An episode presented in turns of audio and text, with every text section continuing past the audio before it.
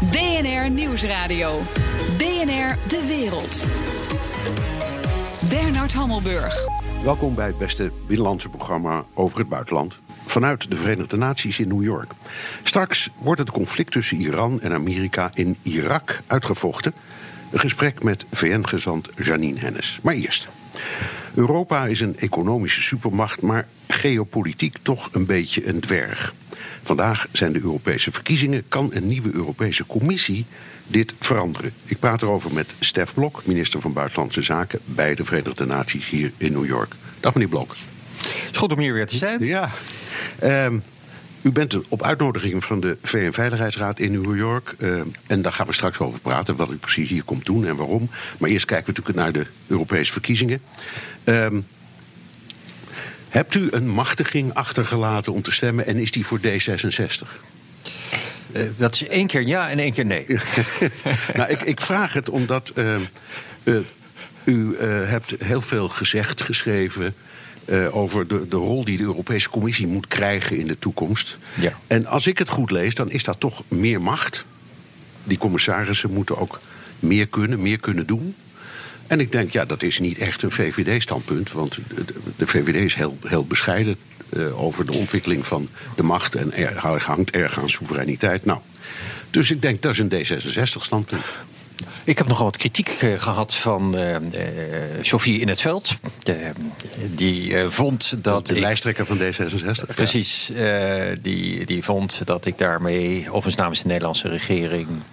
De macht van de Europese Commissie te veel inperkte. Want wat, wat ik gezegd heb, en ook eh, eerlijk gezegd niet de eerste Nederlands minister ben die dat standpunt heeft, is dat die Europese Commissie geen politieke rol moet spelen, maar uitvoerder moet zijn van de verdragen.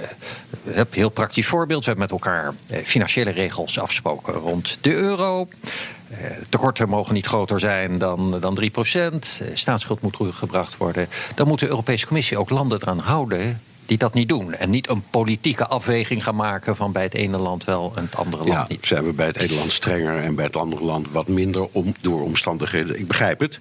Um, Niettemin, u, u noemt een aantal uh, commissariaten met name. Uh, buitenlandse zaken, migratie, uh, duurzaamheid, Lees ik daar dan toch in dat u zegt de huidige bijvoorbeeld uh, commissaris voor Buitenlandse Zaken Mogherini, die vindt niet krachtig genoeg? Of althans, ze heeft niet de mogelijkheid om krachtig genoeg te zijn?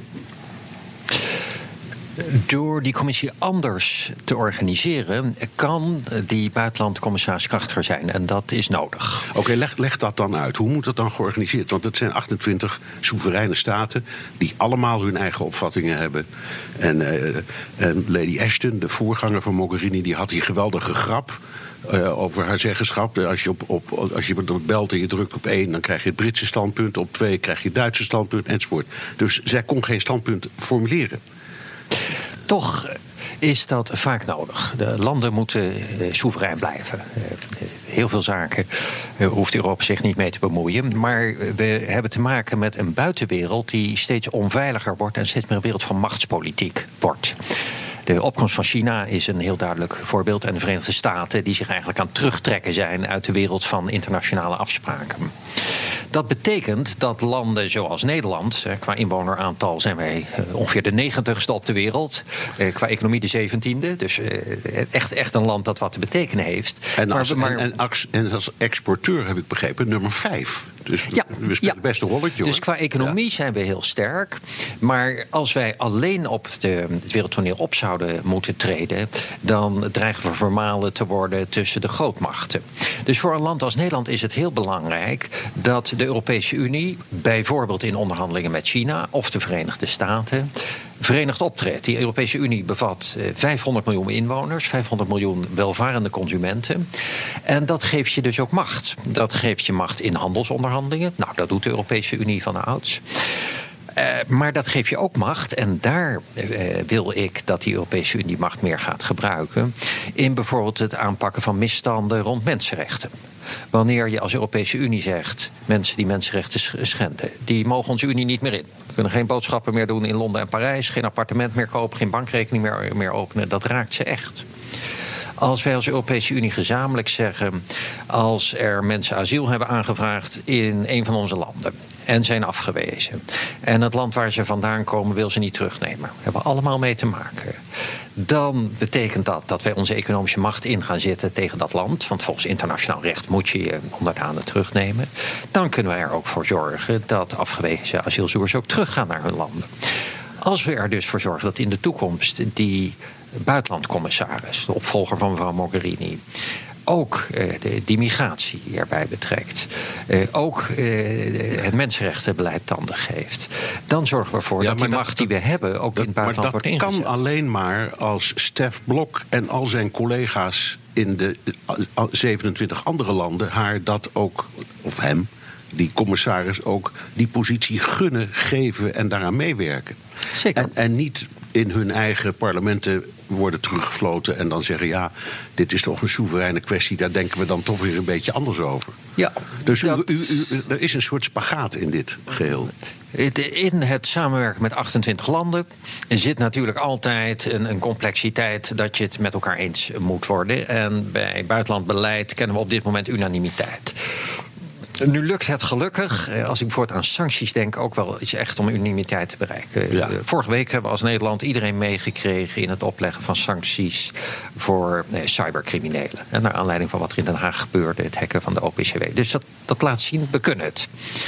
Ja, en in de brexit ook. Want je kunt zeggen, de 27 zijn ook tot nu toe een redelijke eenheid gebleven tegenover de, Tegenover de, de Britten. Het is al erg genoeg dat we die onderhandelingen moeten voeren. Maar we laten wel zien dat we het eensgezind kunnen.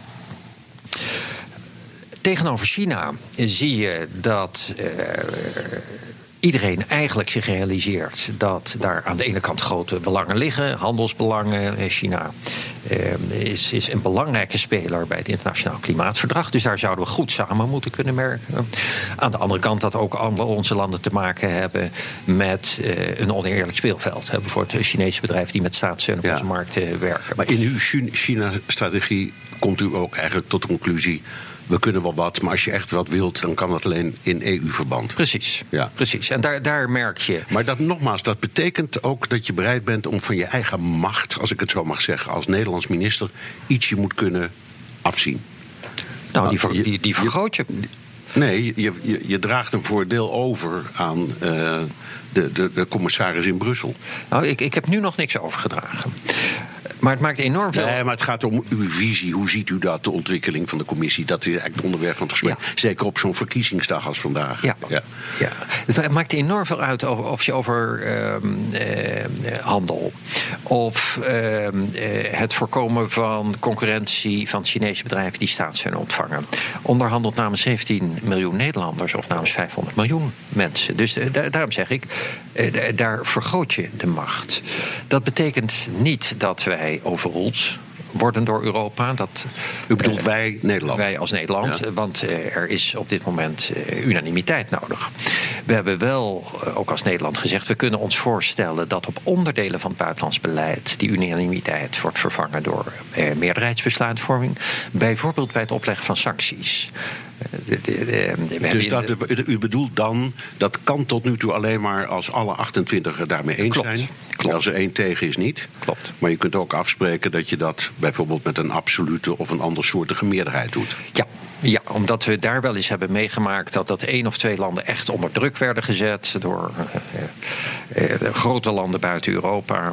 En het daardoor niet lukt uh, om de macht die we wel hebben met die economische sancties ook uit te voeren. Dus dat is nou een onderdeel waar we die stap, wat mij betreft, ook nog best zouden kunnen, kunnen zetten. Ja, kunnen we zeggen dat. Um een paar belangrijke grootmachten op dit moment, de Verenigde Staten, China, Rusland, allemaal belang hebben bij het uiteendrijven van de Europese Unie? Natuurlijk, want die realiseren zich dat de Europese Unie macht heeft door die 500 miljoen inwoners, die enorme markt die dat ook is. Dus je ziet inderdaad dat die landen liever met individuele Europese lidstaten onderhandelen met de Europese Unie. En daar moeten we ons echt weer tegen te weerstellen. Ja, maar goed, daar doet Nederland ook aan mee. Uh, uh, wij zijn altijd heel trots. In Amerika roepen bewindslieden heel terecht. Wij zijn de derde investeerder in Amerika en we zijn heel groot en heel belangrijk. We roepen nooit wij samen als Unie zijn dit of dit of dit en veel groter. Dus ook, ook bij u en uw collega's en de Kamerleden en bij alle Nederlanders waarschijnlijk bestaat die neiging om het steeds naar het nationale toe te trekken. Nou ja, dat, dat, dat trots zijn op die economische positie die we hebben, dat, dat mag ook. Dat vind ik ook terecht. En ook eerlijk gezegd, al, waar ik ook kom als Nederlands minister er wordt altijd gevraagd om investeringen door Nederlandse bedrijven. Dat is echt, dat, dat maakt je ook trots. Ja. Dat neemt niet weg dat of je nu in, hier in de Verenigde Staten bent, of, of in China, of, of in welk land dan ook. Als het gaat om bijvoorbeeld handelsverdragen, is er geen misverstand over. Dan doen we dat met de Europese Unie als geheel. Ja, even nog over de commissie. Ehm, wat hebt u liever? De Duitser Manfred Weber of onze eigen Nederlander Frans Timmermans of de Franse Brexit-onderhandelaar Barnier? Waar gaat uw voorkeur naar uit? Uh, ik vind dat heel verleidelijk, hè, zo lijst je namen afwerken. Maar zoals u ook weet, wordt er uh, op de Europese top in juni over een heel aantal functies besloten. Dus ja, ik, ik weet, ik, ik, weet wel dat het zo is, maar niettemin. Ik kan me voor, zeker als je praat, zeker als je nu praat. Ja, nee, ik, ik, ik, begrijp dat het. Over, nee, dat het nee, maar wacht even. Het, hoeft het, het is gewoon een exercitie voor uh, zeg een intellectuele exercitie. Als je zegt, we willen een buitenlandcommissaris die wat meer begrijpt hoe het grote spel in elkaar speelt. En je hebt een man als Timmermans, die daar nu zit. Zou het een mooi idee zijn om hem die functie te geven? Allereerst, ik vind Frans Timmermans van een andere partij. Maar ik vind dat hij eh, eh zijn eurocommissariaat op een, goede manier heeft gedaan. Daar wil ik gewoon ver in zijn. U vroeg mij, wilt u nu aangeven wie er precies eh, straks eh, voorzitter moet zijn? Of ja, dat wil ik precies van u weten. Ja. En uh, dat ga ik dus ook lekker niet zeggen, omdat er straks een hele puzzel van een aantal functies voor ligt. daarbij is ook de, de, voorman van de Europese Centrale Bank, de voorzitter van de Europese Raad, voorzitter van de Europese Commissie. En de, de, dat hele plaatje bepaalt eh, of we het van Nederland aantrekkelijk genoeg vinden. En natuurlijk willen we een goede Nederlandse eurocommissaris. Ja, oké. Zo dadelijk, wat doet onze minister van Buitenlandse Zaken in New York op de dag van de Europese verkiezingen in Nederland? BNR Nieuwsradio. BNR De Wereld. De VN-veiligheidsraad zoekt naastig naar een oplossing voor de berechting van IS'ers. Europa is nog altijd sterk verdeeld over wat moet gebeuren met uitgereisde EU-burgers. Kan de VN uitkomst bieden? Ik praat verder met onze minister van Buitenlandse Zaken, Stef Blok, bij de VN. Uh, meneer Blok, u bent hier op uitnodiging van de Veiligheidsraad van de Verenigde Naties, waar Nederland uh, tot vorig jaar, uh, vorig jaar in zat. Ja. Om te praten onder andere over de berechting van IS-strijders. Ik, ja. ik, ik begrijp dat u Irak eigenlijk de beste plek vindt. De gemakkelijkste, de meest voor de hand liggende plek om te, bekomen, om te komen tot berechting of een tribunaal of wat dan ook. Kiest u daarmee voor uh, de Franse oplossing? Want Macron heeft zo'n soort deal gemaakt, ik geloof over 13 uh, van die uh, uh, IS-strijders, waarvan hij zegt: ja, het delect is daar gebeurd, dus laten we ze daar maar berechten. Wat, wat Nederland graag wil, is dat er een internationaal tribunaal in het gebied komt. Waarom een tribunaal? Waarom niet gewoon de rechtbank? Je, want het, er is een misdrijf gepleegd in, in het kalifaat. Dat ligt in, voor een belangrijk deel in Irak, lag het. Dus je kunt zeggen, oké, okay, er is een misdrijf gepleegd in ons land. Dus we gaan hier gewoon voor de rechtbank die mensen berechten. Er zijn echt twee redenen waarom het goed zou zijn als er een internationaal tribunaal van komt. Uh, dit zijn verschrikkelijke, heel grootschalige uh, misdrijven. Misschien zelfs genocide. Dat ze aan zo'n zo'n internationaal tribunaal om, om te beoordelen. Uh, dat maakt het van een orde dat eigenlijk de internationale gemeenschap daarover moet, moet oordelen. Dat is een eerste reden om voor zo'n internationaal tribunaal te kiezen. De tweede is dat in de twee betrokken landen, de ene Syrië, uh, geen sprake is van een functionerend uh, nee. rechtsmacht in het gebied waar al, al, deze verstrikkingen hebben plaatsgevonden. Maar in Irak wel. In Irak nou ja, is, is, nou een, ja, uh, het lijkt erop. Is, is een functionerende regering die helaas de doodstraf toepast. En Nederland is waar ook ter wereld tegen de doodstraf. Dus dat is een reden, naast de reden die ik net aangaf, de enorme schaal van deze misdrijven, om voor zo'n internationaal tribunaal te zijn, zoals dat in het verleden ook gecreëerd is. Denk aan voormalig Joegoslavië, denk aan Sierra Leone. En met een aantal Europese landen bepleiten we dat. Ja. Nu is de. Maar ik zei al, Ma- Macron heeft al een deal gesloten met Irak. Ja. Dus die is klaarblijkelijk over het bezwaar van de doodstraf heen gestapt. Ja. Wij pleiten voor een internationaal tribunaal. Dus wel een andere keuze dan eh, eh, waar u nu naar verwijst. Overigens zijn we ook met Frankrijk in gesprek daarover. Ja. Eh, Zweden pleit, pleit er ook voor. Voor zo'n internationaal tribunaal heb je een mandaat van de VN-veiligheidsraad nodig, bij voorkeur. Zo is dat in het verleden ook gegaan. Daar kan ik vandaag spreken. Tot op heden is die steun er niet geweest. Met name eh, Rusland en China hebben eh, grote moeite met eh, die internationale berechting. Maar door in die Veiligheidsraad te pleiten met andere landen, wil ik dat opnieuw een, eh, een zwengel geven. Daarnaast spreek ik vandaag ook met een aantal deskundigen hier in New York. Eh, wordt ook eh, onze eigen Janine Hennis, die de, de VN nu in Irak vertegenwoordigt. Straks in dit programma. Ja. Om te kijken of we die internationale berechting toch van de grond kunnen krijgen. Ja, ik begrijp het. Ehm, denkt u dat China en Rusland ehm, hun standpunt kunnen herzien? In het verleden hebben we natuurlijk vaak te maken gehad met een situatie Ja, waarin, er nu- eerst weinig beweging Dat was. is waar, maar je kunt zeggen: het kalifaat is nu weg. Er zijn dingen veranderd. Hm. Dus misschien. Wat is het argument? Wat is het nieuwe argument om hun over de streep te trekken? Dat eh, in ieder geval wat eh, Rusland betreft, zij zelf ook te maken hebben met eh, islamitisch extremisme. Ze hebben ook, ook aanslagen gehad. Zeker, en een hele hoop van die mensen die kwamen uit Dagestan en, en, en eh, andere Ja. Russische republieken. Ja, ja, dus het is, ook een zorg die ook echt hun samenleving treft. Bij China ligt dat anders, maar daar zou je ook de redenering kunnen hanteren. Wat is er eigenlijk op tegen? Ja. Nou goed, en de Chinezen, ze- als de Russen omgaan, zullen de Chinezen zich onthouden waarschijnlijk. Want dat is meestal wat er dan gebeurt. Is dat iets waar u op hoopt? Ik, ik, ik hoop uiteindelijk op die uitkomst. En eh, internationale diplomatie is nu eenmaal vaak een weg van lange adem. Het het Joegoslavië-tribunaal hebben ook gezien dat dat jaren na de misdrijven tot stand kwam en, en, En gelukt, ja. eh, deed. En uiteindelijk is gelukt. Dus eh, geen enkele reden om nu op te geven. Er zijn eh, veel meer landen die met ons dit ook willen bereiken. Dus daar zetten we samen de schouders onder. Er zijn, het gaat ook om Nederlanders, daar is ook discussie over. Wat moeten we nou met de Nederlanders? Voorlopig, voor zover we weten, een aantal daarvan zit in kampen. Ja. Als je niks doet, dan creëer je een soort nieuw Guantanamo, toch? Dus hoe, vindt u dat we daar nu, op dit moment, waar we nu staan, met die Nederlanders moeten omgaan? Daar is het kabinet eh, helder over. Wij, gaan geen eh, mensen, eh, eh, Nederlanders in gevaar brengen door eh, mensen uit kampen actief terug te halen.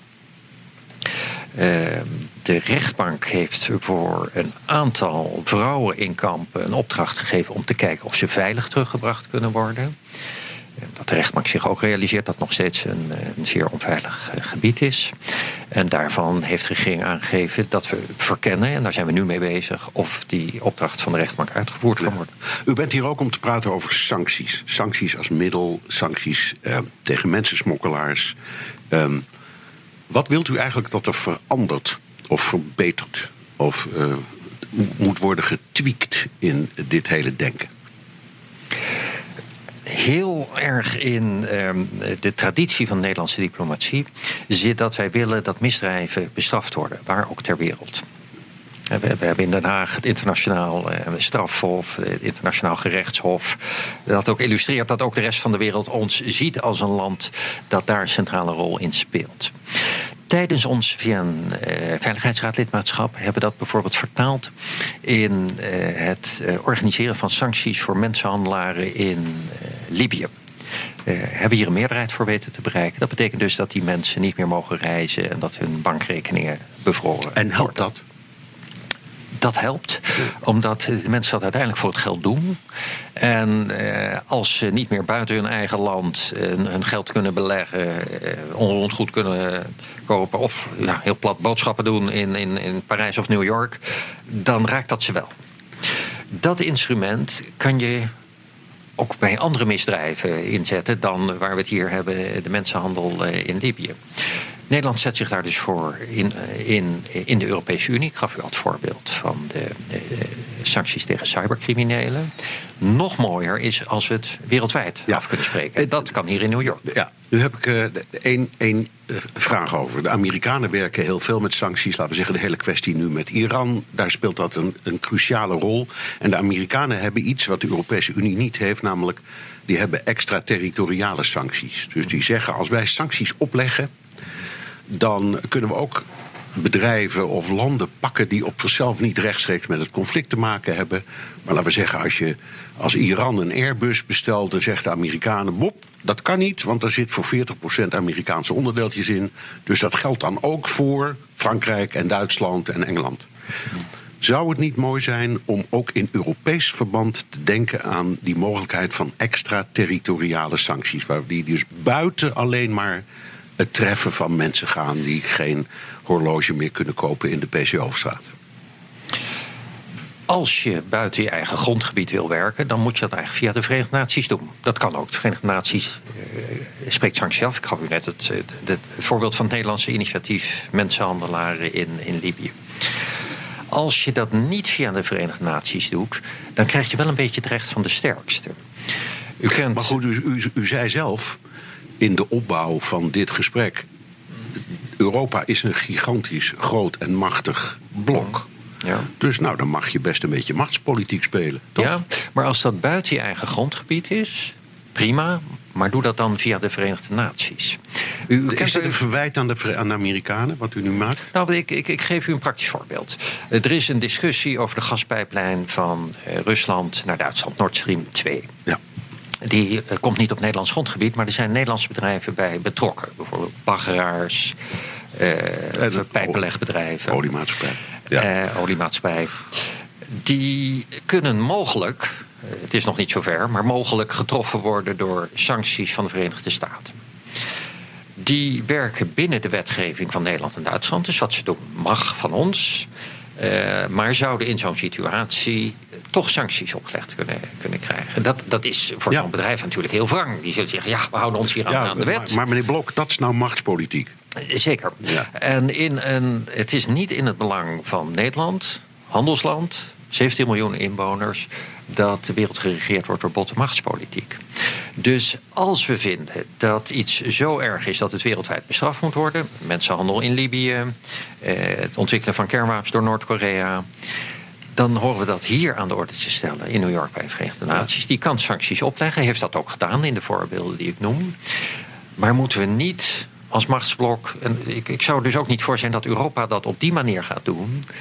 Ehm, de, de, de bottenmachtspolitiek gebruiken en voorbijgaan aan internationale afspraken. Nederland heeft als uh, open economie uh, enorm belang bij wereldwijde afspraken. Ja. Dus daar moeten we onszelf ook steeds aan houden. Het Koninkrijk der Nederlanden kiest de koninklijke weg in het onderwerp van sancties, wat u betreft.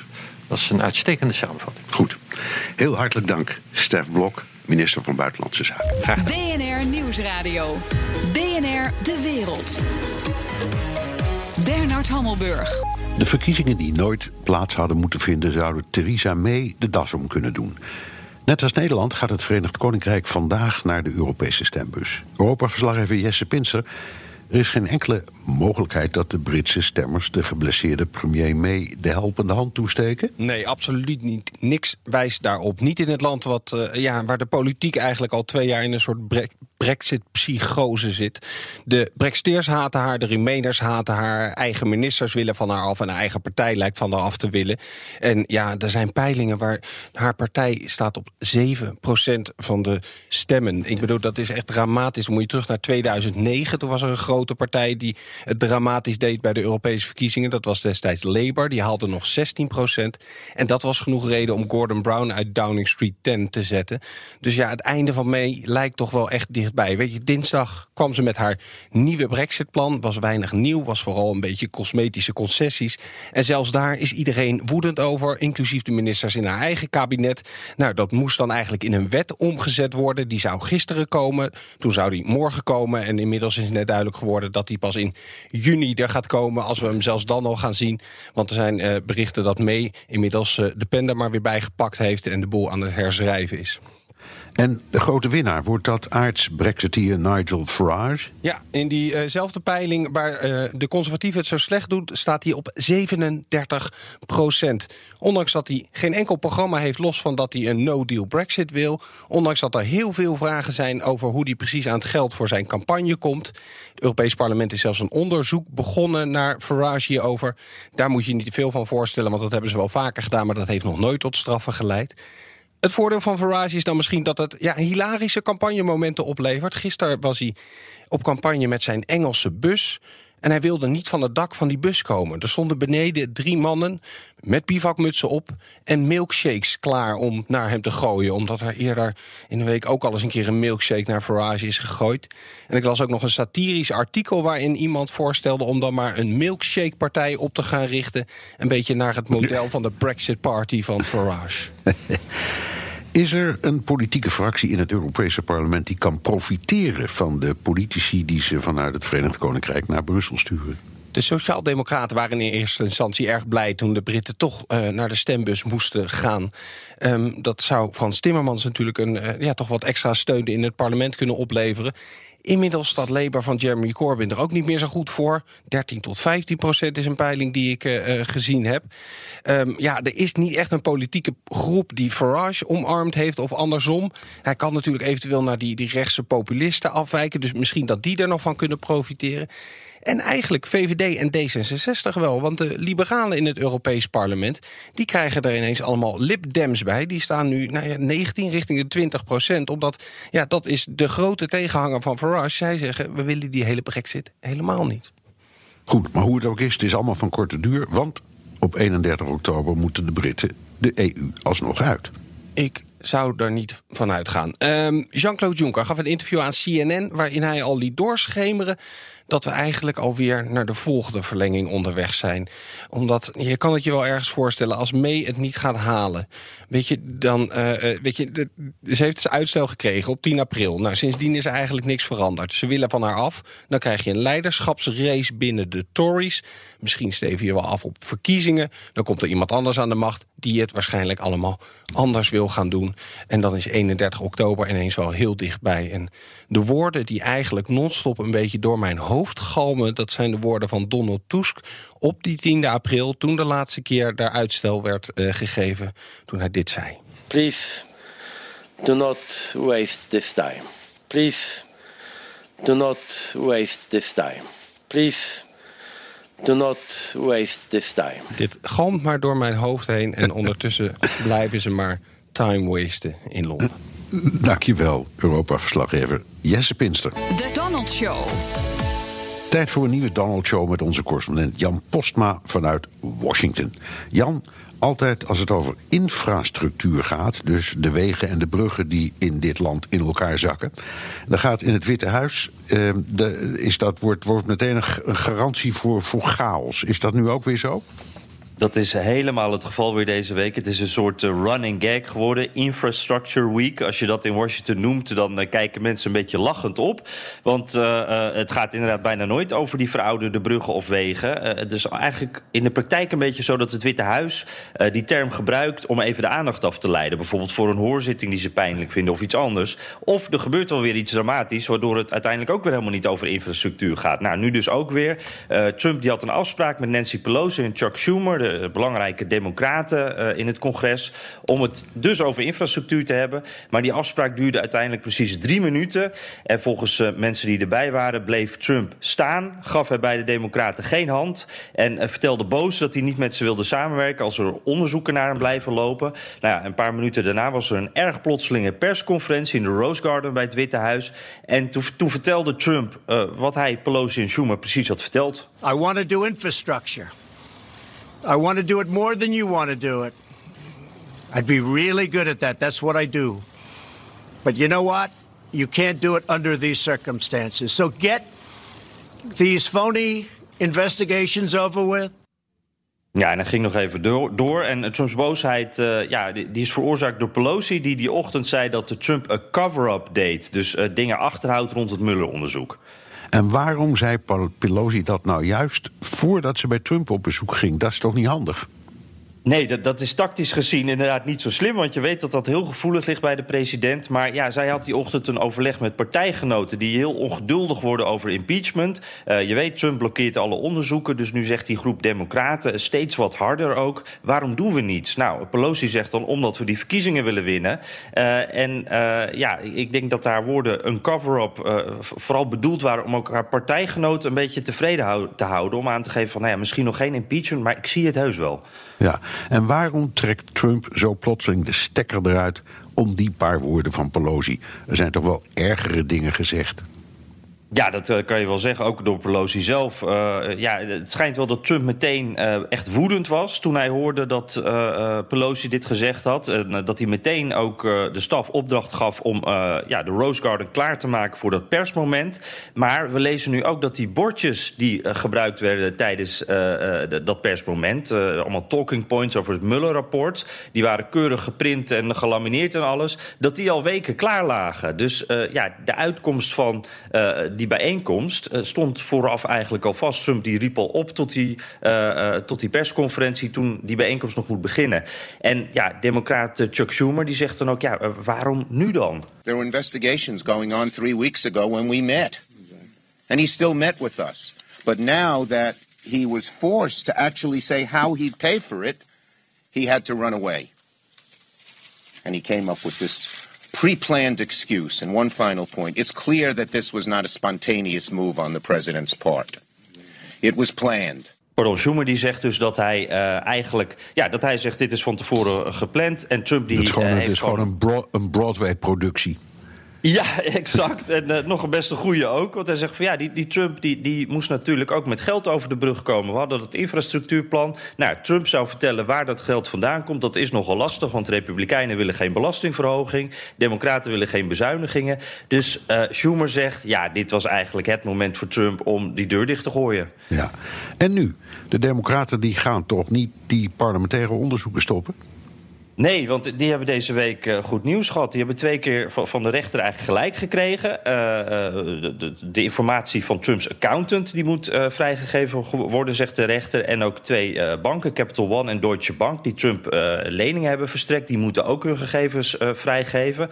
Nou, dan is er ook nog trouwens een interne memo van de Belastingdienst die gelekt is. Waaruit ook blijkt dat zij denken dat zij de gegevens van de president, de financiële gegevens, wel moeten delen.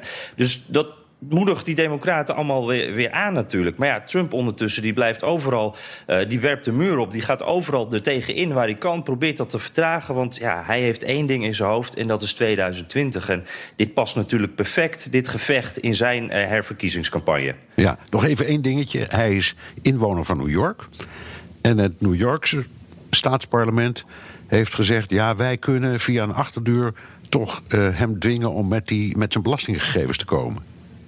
Ja, dat klopt. En dat is ook wel heel interessant. Want wij zitten allemaal natuurlijk te kijken naar die parlementaire onderzoeken... waar die democraten zo hard mee bezig zijn. Maar ondertussen inderdaad via uh, het, het, het, gerecht van Manhattan... lopen er ook allerlei zaken en die zijn eigenlijk minst zo minstens zo interessant. En uh, het lijkt eigenlijk op dat de kans dat daar iets uitkomt... op dit moment groter is. Ja.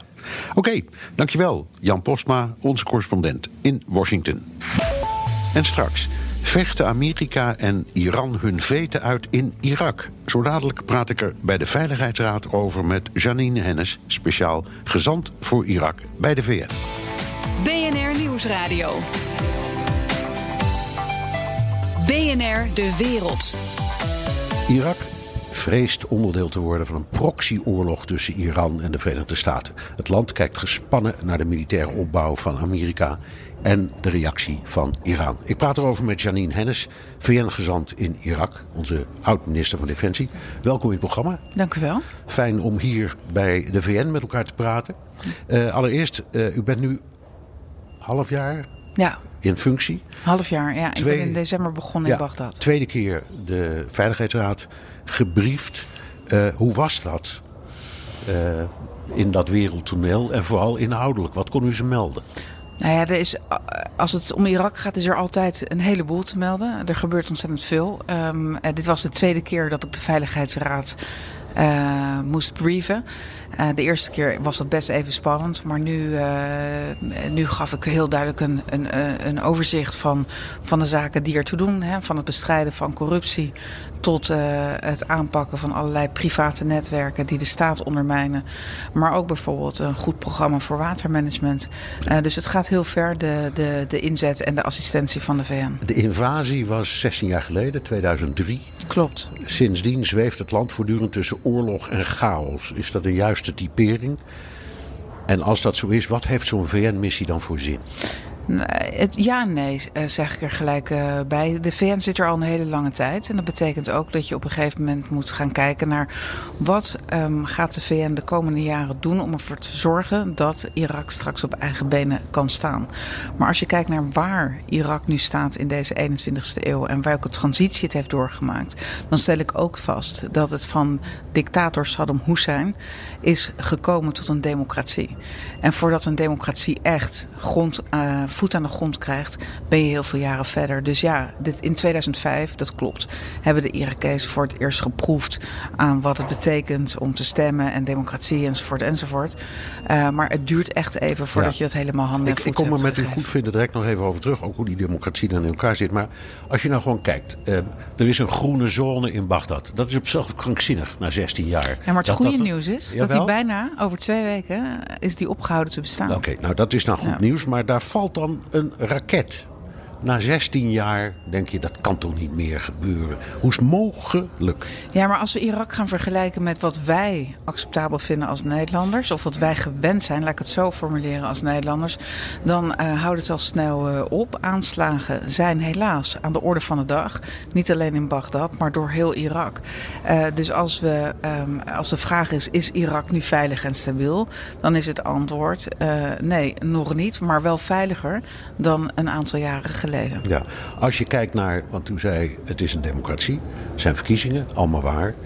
Het was een apartheidregime met eh, de Soenieten als minderheid die dan de Shiiten de- onderdrukte.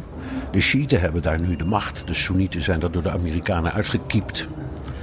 Kun je zeggen dat de huidige samenleving een democratie is in de zin dat het ook echt alle groepen vertegenwoordigt? Nou, wat je ziet is dat het heel sectarisch was ingericht. Hè? Net na ehm, het opnieuw inrichten van de staat, na de val van Saddam Hussein. Ehm, eh, dus dan had je inderdaad de Soenische vertegenwoordiging, de Sjiïtische vertegenwoordiging, de Koerdische vertegenwoordiging.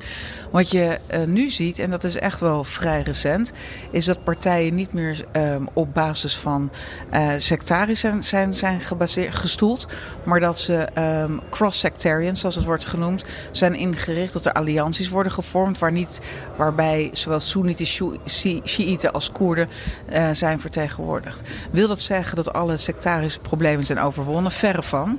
Want die zitten echt diep geworteld in de samenleving. Zorgt ook voor heel veel problemen.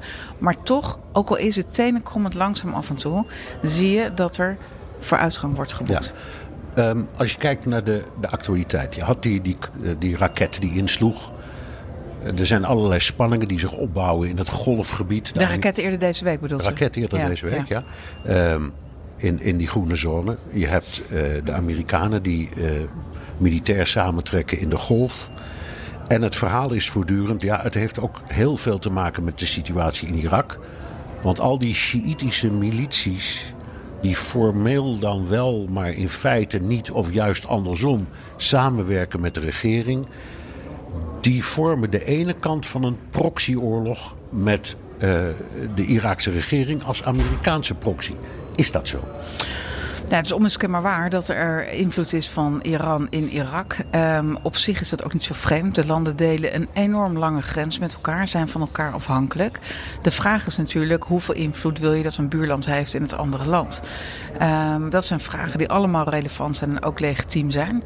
Ehm, en we hebben ook in het verleden gezien dat als het gaat bijvoorbeeld om de PMF, hè, waar, waar eh, u naar refereert, als het gaat om de militia die ook zijn ingezet in de strijd tegen ISIS, dat daar eh, echt ook een band was met Iran. Ehm, want Iran heeft die geactiveerd in de strijd tegen ISIS. En dus, toen, toen waren we daar wel tevreden over. En nu bij nader inzien niet meer, want die strijd nou, tegen, wat je tegen nu IS ziet, is klaar. Ja, wat je nu ziet is dat er natuurlijk zorgen zijn over hoe die PMF, zoals het dan heet, zich verder gaat ontwikkelen en welke plaats het krijgt binnen, het nationale, um, veiligheid, binnen de nationale veiligheidsarchitectuur, om het maar even zo uit te drukken. Um, en ho hoeveel invloed daar van buitenaf op blijft uh, bestaan. Dat zijn allemaal vragen die volop leven en die ook volop uh, worden geadresseerd door de, door de Iraakse autoriteiten. Ja, maar leidt dat tot. U, hebt het, u had het aan het begin van het gesprek over democratisering. Als je zegt, ik betrek milities langzaam maar zeker bij het formele overheidsproces. Is dat democratisering? Nou ja, ze hebben al lang besloten om de militia die vroeger illegaal opereerde, nu eh, te verankeren in wet en regelgeving. En ook om die militia, dus dat, we kunnen eigenlijk niet meer spreken over militie, maar, maar over gewoon militaire eenheden, is een formeel onderdeel geworden van de nationale veiligheidsarchitectuur. Dat betekent ook dat je die eenheden moet disciplineren. Um, dat is wat er ook gebeurt op dit moment uh, blijft staan. Dat er nog steeds helaas vele eenheden zijn die niet zo gedisciplineerd opereren en zich bij voorkeur aan de controle van de staat onttrekken. En dat is een groot probleem. En daar maakt Iran gebruik van? Daar maken, laat ik het zo formuleren in mijn huidige positie, verschillende um, uh, stakeholders Oké, okay, ik, ik, ik, bedoel niet eens politiek, maar meer uh, analytisch. Want we zien de spanning tussen de Verenigde Staten en Iran enorm oplopen. Je hoort daar voortdurend ook het woord Irak bij vallen. Hoe ziet u die hele situatie? Laat ik, laat ik hem volkomen openstellen, die vraag.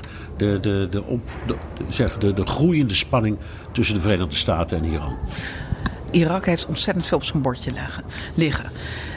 Um, van het uh, bestrijden van uh, corruptie tot uh, um, het aanpakken van klimaatverandering, tot het regelen van allerlei basiszaken als voldoende elektriciteit en water en ga zo maar door. dus de, de zorgen voor Irak zijn groot na al die decennia van ellende. Um, dat betekent ook dat ze eigenlijk het niet kunnen gebruiken. Dat de aandacht wordt afgeleid van wat nu belangrijk is voor de Irakezen. Bijvoorbeeld water en elektriciteit. En toch zie je dat er nu door de toenemende spanning. Hè, de VS is een belangrijke partner van Irak. Iran is een belangrijk buurland uh, voor Irak. Dat dat heel veel aandacht van ze vraagt. En ik heb net ook duidelijk gemaakt. Niet alleen naar de VS en Irak. Maar naar al die anderen die een bepaalde uh, uh, belang hebben. Bij eventuele spanning in de regio dat um, dit echt het laatste is wat Irak nodig heeft. Um, ze hebben echt alle energie en aandacht nodig voor de problemen die er volop in het land zijn. Ja, goed, maar die, die, laten we zeggen, die, die situatie ontwikkelt zich ondanks Irak. Want de spanning tussen Iran en Amerika. Irak is daar maar één onderdeel van. Jemen is een ander onderdeel. Zelfs in Venezuela speelt het nu op de gekste plekken in de wereld. U hebt met uh, uh, Zarif gesproken, de minister van Buitenlandse Zaken van Iran. Zeker. Uh, ging dat ook over deze dingen? Dat was een aantal weken geleden en dat was vlak na de bekendmaking van een Amerikaanse beslissing om de Iraanse Revolutionary Guard. Um, Tot terroristische organisatie te. Exact. Ja, um, en daar um, heeft de minister Sarif, uh, de minister van Buitenlandse Zaken, zijn mening over gegeven. En uh, zo gaat dat. Oké, okay, ja. maar neemt u dat dan voor kennisgeving aan? Ik bedoel, hoe, hoe loopt Nee, nee, nee. Kijk, wat voor mij hij, is. Ik begrijp dat hij zegt: ik ben daar woedend om. Want het, ja. voor ons is dat gewoon een belangrijk ja, de onderdeel impact, van de krijgsmacht. De gevolgen daarvan zijn groot. Ja. Uh, maar de Amerikanen hebben natuurlijk weer een doel voor ogen. Um, um, wat, ik, wat, wat voor mij interessant is, is om te horen in mijn huidige rol. Wat is er voor nodig om iedereen gewoon aan de tafel te krijgen, met elkaar te laten praten? En dat is de insteek natuurlijk niet alleen van mij, maar echt van heel veel mensen. Inclusief de Irakezen. Dus de Iraakse autoriteiten doen daar ook erg hun best voor. Om iedereen terug te krijgen naar die onderhandelingstafel en het gesprek te voeren in plaats van wapengekletter. Oké, en wat is er voor nodig? Want... Dat is een goede vraag, omdat ja. de insteek van de partijen uh, op dit moment nog niet helemaal bij elkaar uh, komen. Maar uh, het hoopvolle uh, vind ik zelf is dat er ook aan beide kanten duidelijk wordt gemaakt dat er geen van beide uit is op oorlog. Over het hoe en terug naar die onderhandelingstafel. Daarover bestaat duidelijk nog verschil van mening. Omdat aan de ene kant de Amerikaans zeggen we, we voeren de druk op. Hè? En dan komen ze vanzelf naar de, de onderhandelingstafel. En Iran Uh, op zijn beurt, op haar beurt duidelijk maakt dat um, ze best wil praten, maar niet onder druk. Dus Nee. dan kom je toch een beetje in een soort kip-ei-situatie. Ze zeggen zelfs Genghis Khan en weet ik wat allemaal. Al die, al die grote onderdrukking die Ja. er al van eeuwen zijn geweest. Dat hebben we allemaal weer staan. Dus eh, Trump kunnen we dan ook wel aan. hè. Dat is een beetje wat ze zeggen. Ja, maar goed, kijk, op een gegeven moment zijn er ook weer verkiezingen in, eh, in de VS. Dat wil helemaal niet zeggen dat, eh, dat eh, eh, het nu al een uitgemaakte zaak is dat Trump niet herkozen wordt. Ehm, dus uiteindelijk zal er toch iets in beweging moeten komen.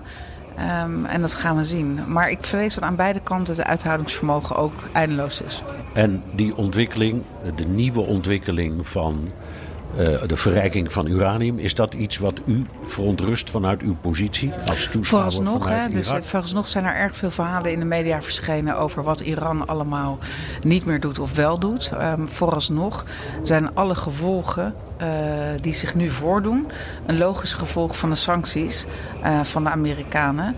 Ehm, en zullen we pas over 60 dagen zien of er echt door Iran eh, handen en voeten wordt gegeven aan eh, bepaalde dreigementen om zich aan Ja, en die dreigementen zijn overigens niet alleen aan de Amerikanen, maar ook duidelijk aan Europa. Want Europa had allerlei dingen beloofd.